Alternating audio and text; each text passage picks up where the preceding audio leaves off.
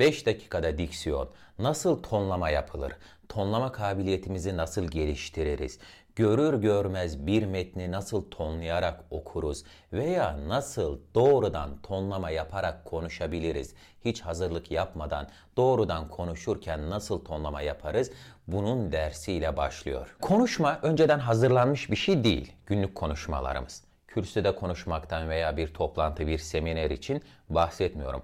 Onları mutlaka öncesinden hazırlamamız gerekiyor. Ama günlük konuşma önceden hazırlanmış bir şey değil. O zaman nasıl etkili tonlama yaparak, vurgu yaparak konuşacağız? Neye göre yapıyoruz biz bunu? Öncelikle bir tane kitap alıyorum. Hikaye kitabı olsun istedim çünkü hikayelerde günlük konuşma diline yakın şeylerdir. Çehov'un seçme hikayelerini elime aldım. Rastgele bir tane sayfasını çevirdim ve açtım. Şimdi ne oldu?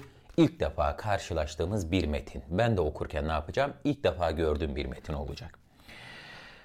Babam sana tapıyor.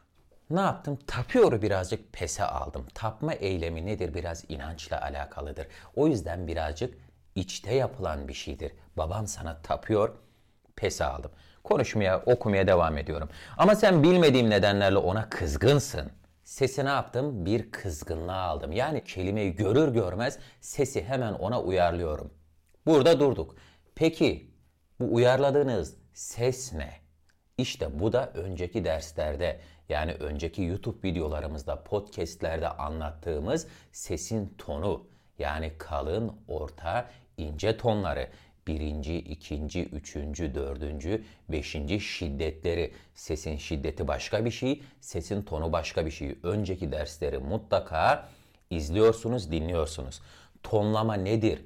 Neye göre tonlama yaparız? O dersi de mutlaka izliyorsunuz, dinliyorsunuz. Şimdi ne yapıyoruz?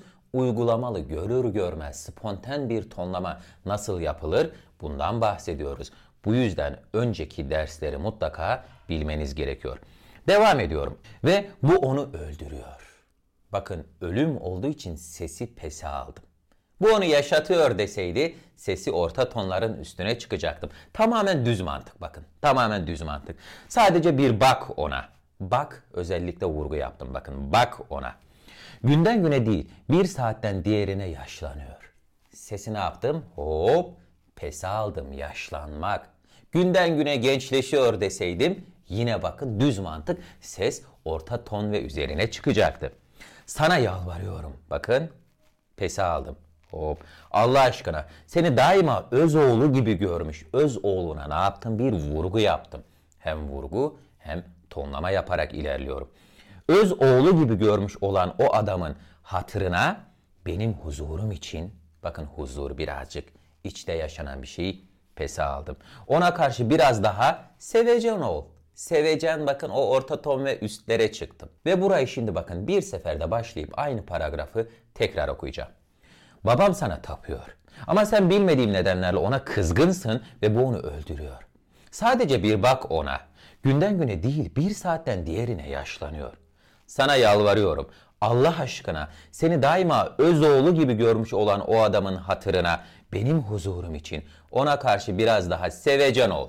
Bakın işte ortaya tonlu ve vurgulu bir okuma. Konuşuyorsak da tonlu ve vurgulu bir konuşma çıktı. Yani tonlama kabiliyetinizi geliştirmek için ekstra yapacağınız bir şey yok. Ses derslerini izleyeceksiniz, dinleyeceksiniz, sesi tanıyacaksınız, bileceksiniz.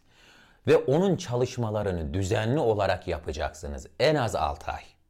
Sonra tonlama nedir bunu bileceksiniz. Mantığını izleyeceksiniz, dinleyeceksiniz, öğreneceksiniz. Ondan sonra yahu konuşmanın çalışması mı olur? Konuşmanın çalışması konuşmak, okumanın çalışması okumak. Güzel konuşmanın, güzel okumanın çalışması da güzel okuyarak güzel konuşmak. Bu kadar basit. O yüzden bu çalışmaları yapmanızı istiyorum. Kendinize iyi bakın. Görüşmek üzere.